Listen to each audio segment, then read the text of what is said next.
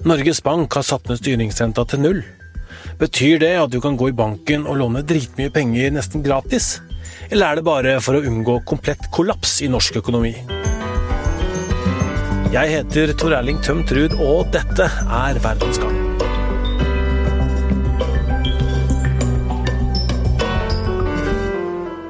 Velkommen, god formiddag. Det er eh, forvirrende tider og neppe noe det står mye om i de økonomiske lærebøkene. Norges Banks komité for pengepolitikk og finansiell stabilitet har besluttet å redusere styringsrenten med 0,25 prosentenheter til 0% Aldri før har Norges Bank satt styringsrenta til null. Økonomikommentator i E24 Sindre Heirdal hva er nullrente medisin for? Ja, Det er jo medisin for en økonomi som er ganske syk. Eh, som eh, går mot de, verste tallene siden annen verdenskrig, iallfall. Eh, og hvor Norges Bank selv trekker paralleller til napoleonskrigene på 1800-tallet for å finne noe som er verre.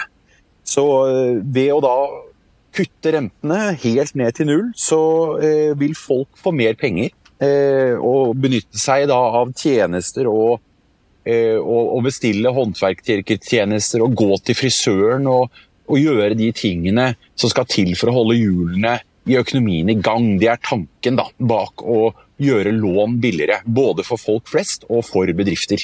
Hvis vi snakker litt om disse sykdomstegnene og helt tilbake til napoleonskrigene. Hva er denne sykdommen? Det er altså et, eh, en helt unik økonomikrise, eh, utløst av et hissig og uberegnelig virus.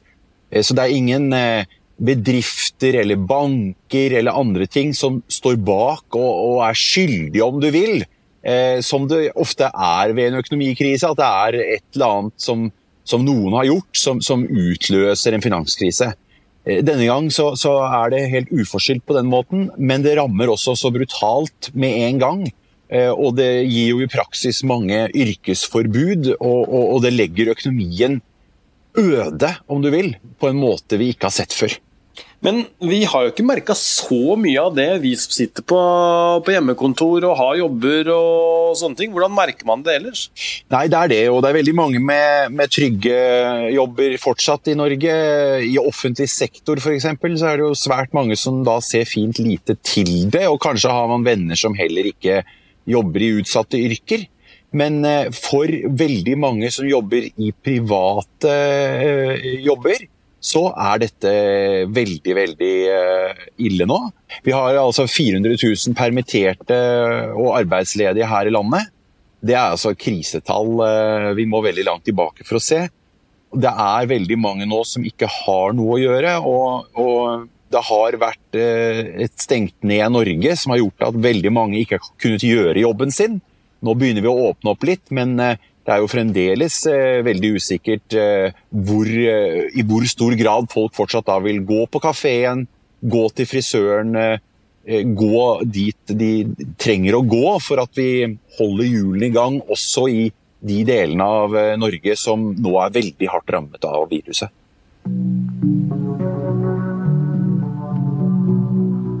Renter er det det koster å låne.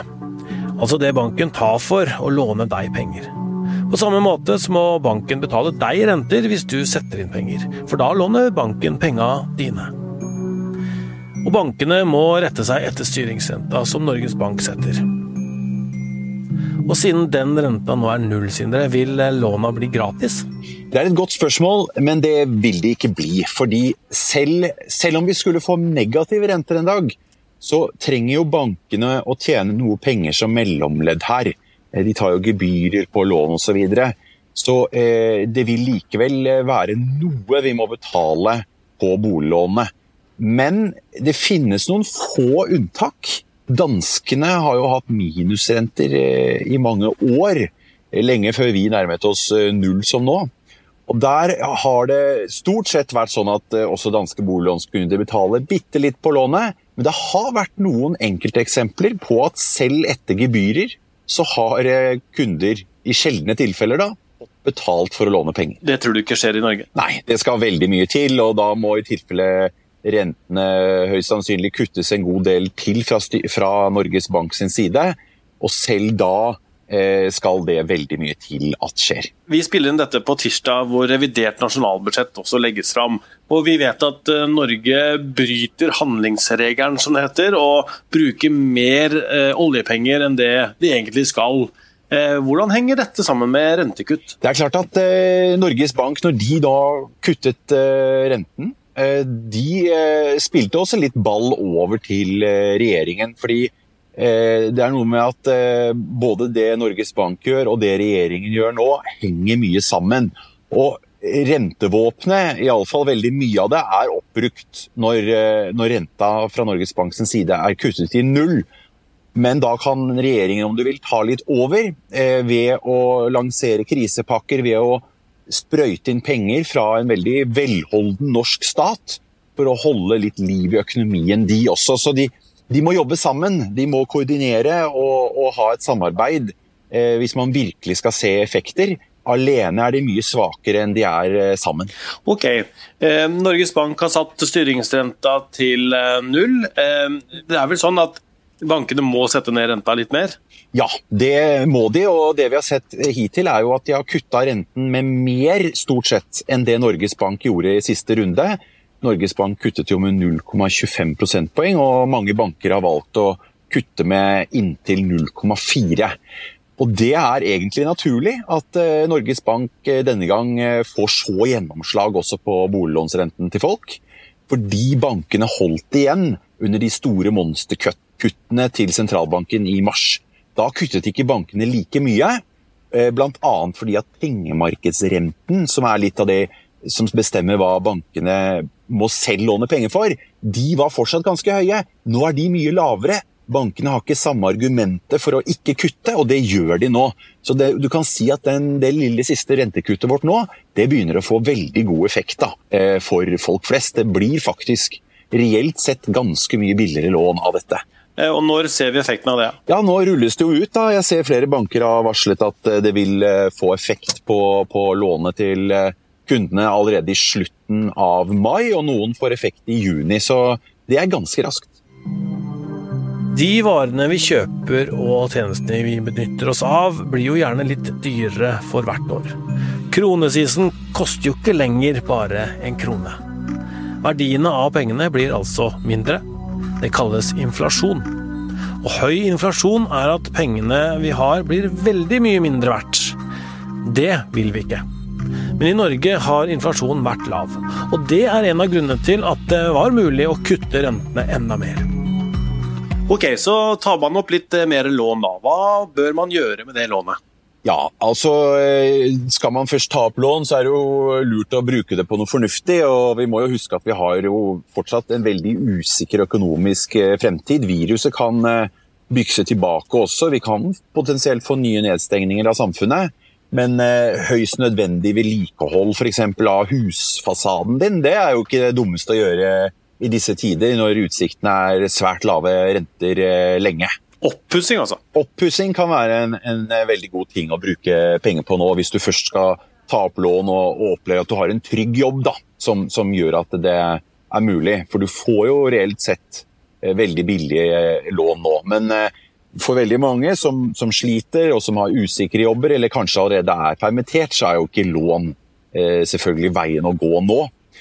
Ikke i det hele tatt. Så dette avhenger veldig av hvordan man selv står i, i økonomien nå. Og, og, Hvis man har vært heldig og kanskje også flink og spart opp en del penger som man har i banken nå, hva skjer med de penga? Det blir jo et tapsprosjekt, dessverre. Og det har det jo faktisk vært i flere år allerede.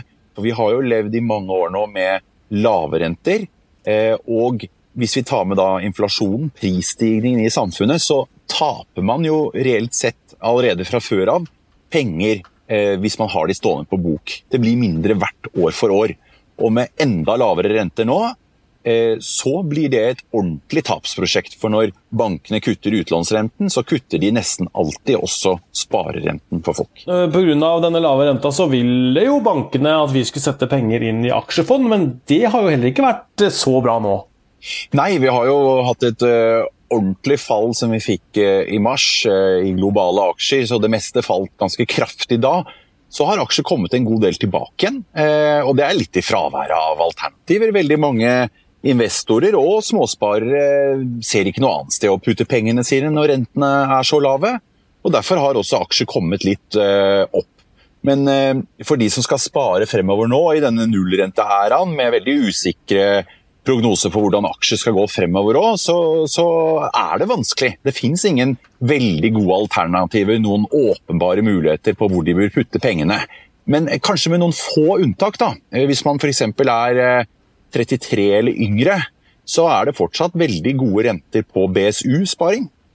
Der er det faktisk renter på 3 og opp mot over 4% på de aller beste tilbudene. Og det er, er, virkelig en gunstig tilbud i disse tider hvor vi ellers opererer med nullrenter. Så, så, for unge så ser jeg i hvert fall det som en sånn åpenbart alternativ. Det er verre for de over 33 år.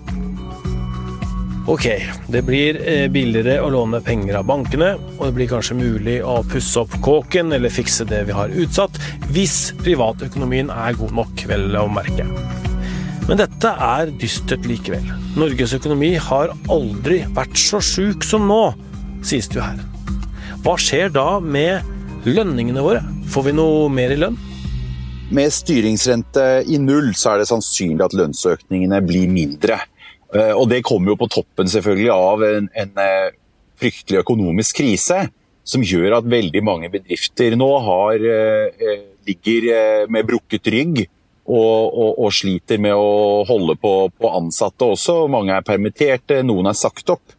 Og det er jo de private konkurranseutsatte bedriftene som legger føringen for lønnsoppgjøret også. Og det kommer til å bli magert uansett, det lønnsoppgjøret. Og da blir det magert for oss andre òg. Det er slik det er i det norske lønnssystemet. Nå benyttes det av mange slags tiltak for å bøte på den økonomiske krisa som er. Eh, denne nullrenta, er det bare å utsette en katastrofe?